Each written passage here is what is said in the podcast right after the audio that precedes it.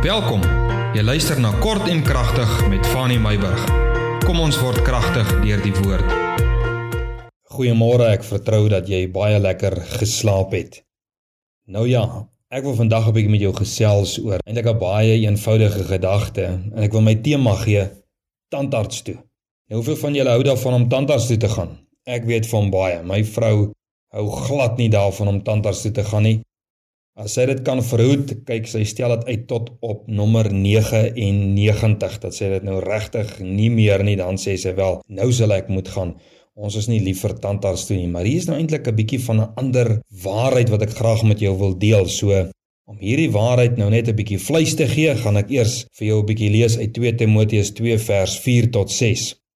Paulus sê vir Timoteus, hy sê Timoteus, niemand wat 'n krygsman is, Dit beteken 'n soldaat. Niemand wat 'n soldaat is, wikkel hom in die werksaamhede van die lewensonderhoud nie, sodat hy die een kan behaag wat hom vir die diens gewerf het. Nou wat hy maar daarmee bedoel is, as jy geroep is as soldaat, as jy opgeroep was as soldaat vir hierdie tyd van in ons lewe, word ons mos nou eintlik meer opgeroep na die weermag toe nie, maar baie van julle wat al opgeroep is, julle weet, ek meen jy kan nou nie môreoggend opstaan en gou eers die koei gaan melk en dan gaan jy gou daar op die kampuy toe en kry gou 'n bietjie skafting en al die tipe dinge nie. Nee, jy is nou 'n soldaat en jy moet die een wat jou geroep het, wat jou vir die diens gewerf het, moet jy behaag, jy moet hom tevrede hou. Vers 5 en verder as iemand aan 'n wedstryd deelneem, dan word hy nie bekroon as hy nie volgens die reëls wetywer nie. Die landbouer wat swaar werk, behoort eerste van die vrugte te geniet. En dan sê Paulus, hy sê dink na oor wat ek sê en mag die Here jou insig gee in alles. Gister het ons nou gekyk oor hoe ontstaan miskonsepsies van die woord en ek het twee dingetjies wat ek net gou vinnig onder julle aandag wil bring. Ek het gesê ons dis baie belangrik dat ons die woord sal ken en nommer 2 dat ons moet openbaringskennis van die woord hê. Nou kyk nou wat sê Paulus hier. Hy sê vir Timoteus, Timoteus, ek sê vir jou hierdie dinge, dink na oor wat ek sê en mag die Here jou insig gee in alles. Nou dit is die openbaringskennis. Hy sê laat die Here vir jou nou wys wat die betekenis is van hierdie woord. So, nou dat ons dit het, lees ek 'n grap wat iemand nou aangestuur het. Weet jy, mense kan almal so vernuftig wees, maar ek het so lekker gelag oor hierdie ding. Dis nou die prentjie van 'n man wat vir 'n jong seun wat saam met hom in die kar ry. Nou vra hy vir hom: "Waarheen wil jy gaan?" Maar hierdie ouetjie vir wie hy dit vra, lyk asof hy gekoring is of op drugs is of iets. Hy lyk verheen. Hy vra vir hom: "Waarheen wil jy gaan?" Die mannetjie antwoord hom en hy sê: "Tandarts toe.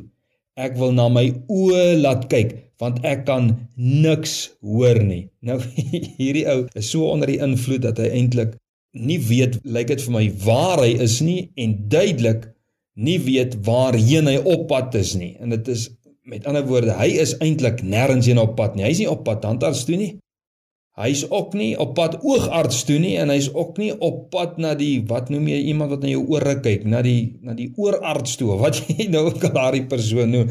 Hy's eintlik nêrens heen op pad nie, maar hy wil iewers wees. Nou kom die vraag maar net so my hart op.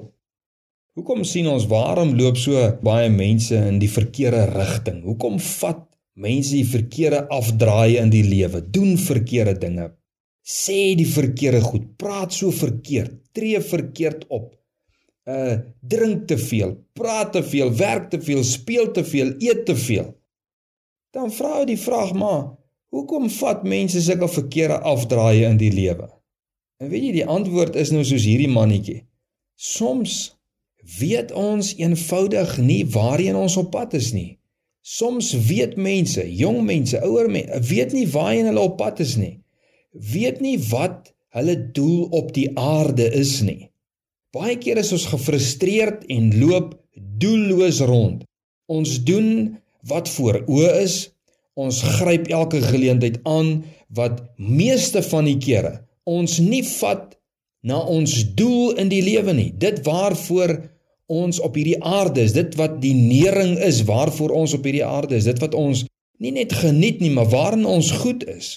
En dan gee die mense later nie meer om hoe hulle praat of wat hulle doen nie, want hulle lewe voel hulle is in elk geval 'n gemors en sê wie wat ek worry nie meer oor my lewe nie. Kom wat wil, ek gee ook nie meer om nie. Hoekom nie? Want so 'n persoon het nie iets waarvoor hy of sy lewe nie. En het ek agtergekom, 'n mens kry nie gefokus op jou werk wat jy nou werk nie, omdat jy onvervuld is in jou lewe en daarin is vir jou geen vreugde nie. Daarom fokus 'n mens nie op jou werk nie. Jy weet om doelloos te lewe is om 'n skiet in die donker tipe leefstyl te handhaaf. Skiet net, jy gaan net. Jy staan maar net die môre op en jy gaan maar net. Jy gaan slaap maar net weer vanaand. Jy jy's doelloos, jy's moedeloos, jy's roekeloos in alles. Om doelloos te lewe beteken is 'n lewe van frustrasie.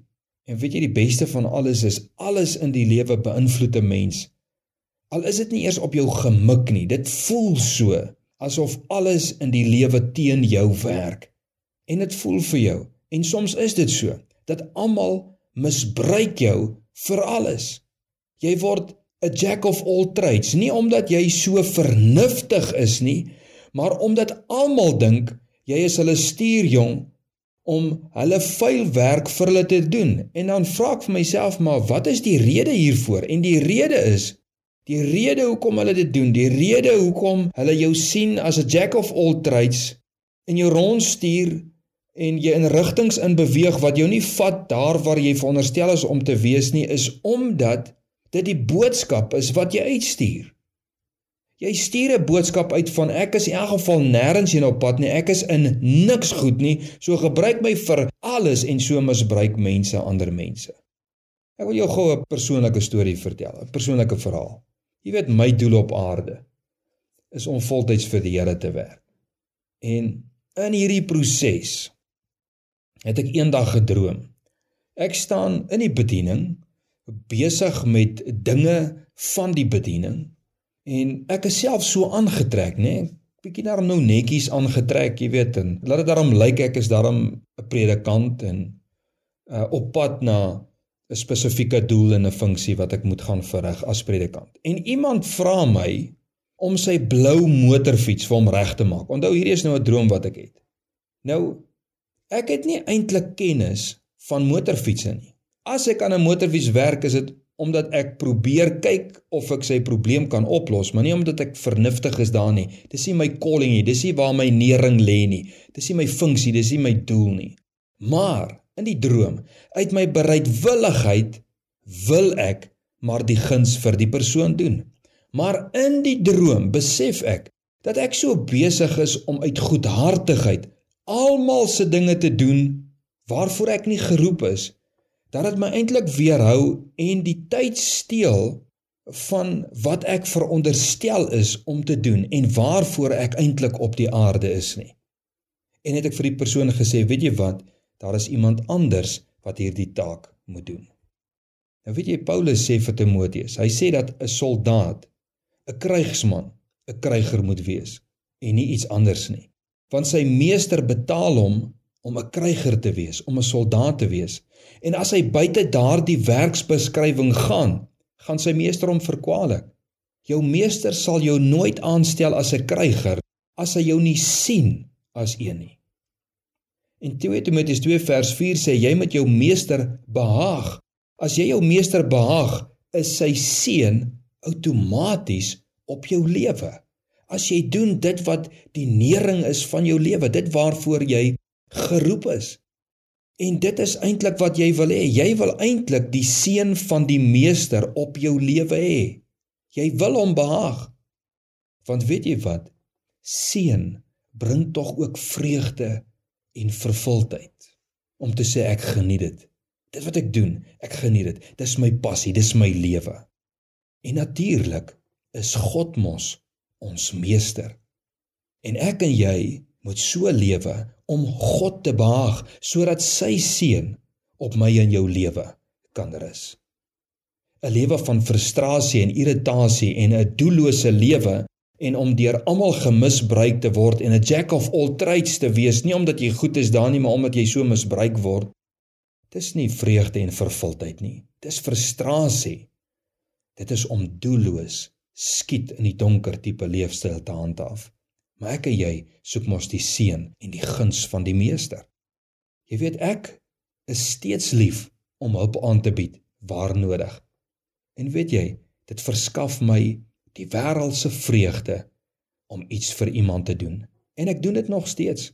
Maar die beginsel is mense moet weet waartoe jy geroep is in die lewe. Mense moet ook weet wat jou doel is in die lewe. En dieselfde mense wat jou 'n guns vra om hulp, moet jou erken in jou roeping, jou doel en dit ondersteun en kyk hoe kan hulle jou help om by jou doel en by jou roeping en by jou nering uit te kom waar die seën van die Here eintlik op rus. Nou ek het ook geleer dat jy jou moet omring met mense wat in dieselfde rigting as jy beweeg. Daar waar jou nering is, dit wat jou doel is in die lewe, Jy moet met daardie selfde tipe mense moet jy ook kan meng. Anders is jy heeltyd met jouself en ander in konflik want hulle gaan jou vat waar hulle is en nie waar jy veronderstel is om te wees nie en dit dit bring konflik in jou hart. Hierdie mense praat dieselfde taal, hulle droom dieselfde droom, hulle win kennis in oor dieselfde goed en dit verbeter en bekwam hulle self op dieselfde terrein. En so brei dit ook jou eie kennis uit jou vaardigheid. En vanuit hierdie sirkel van eendersdenkende mense kring jy uit en dan doen jy doelgerig wat jou hand vind om te doen. Dit vat jou na jou einddoel toe. Dit vat jou waar jy veronderstel is om te wees, na jou nering toe. Nou dat jy en ander weet waarheen jy op pad is, wat jou doel is, kan jy nou gemaklik in jou vrye tyd baie ander help om hulle doel te vind of 'n hand uit te steek en dan te help waar jy kan. Jy weet doelgerigte lewe beteken nie om egosentries en inhalig te lewe nie. Dit beteken 'n vervulde lewe om die meester wat jou die gawe en die talent gegee het te behaag en dan sal sy seën op jou lewe wees. Dis wat doelgerigte lewe beteken. Weet jy hoeveel vreugde is daarin om 'n vervulde lewe te hê? So as iemand jou sou vra waarheen jy gaan, dan sê jy tandarts toe want ek wil hê almal moet my smile van 'n vervulde lewe raak sien. So kind van die Here, ek bemoedig jou vandag. Lewe doelgerig. Gaan op jou knieë, vra Here, hoekom is ek op hierdie aarde? En as jy dit weet, go for it. Gaan vir dit en die seën van die Here sal jou vergesel. Ons gesels môre weer.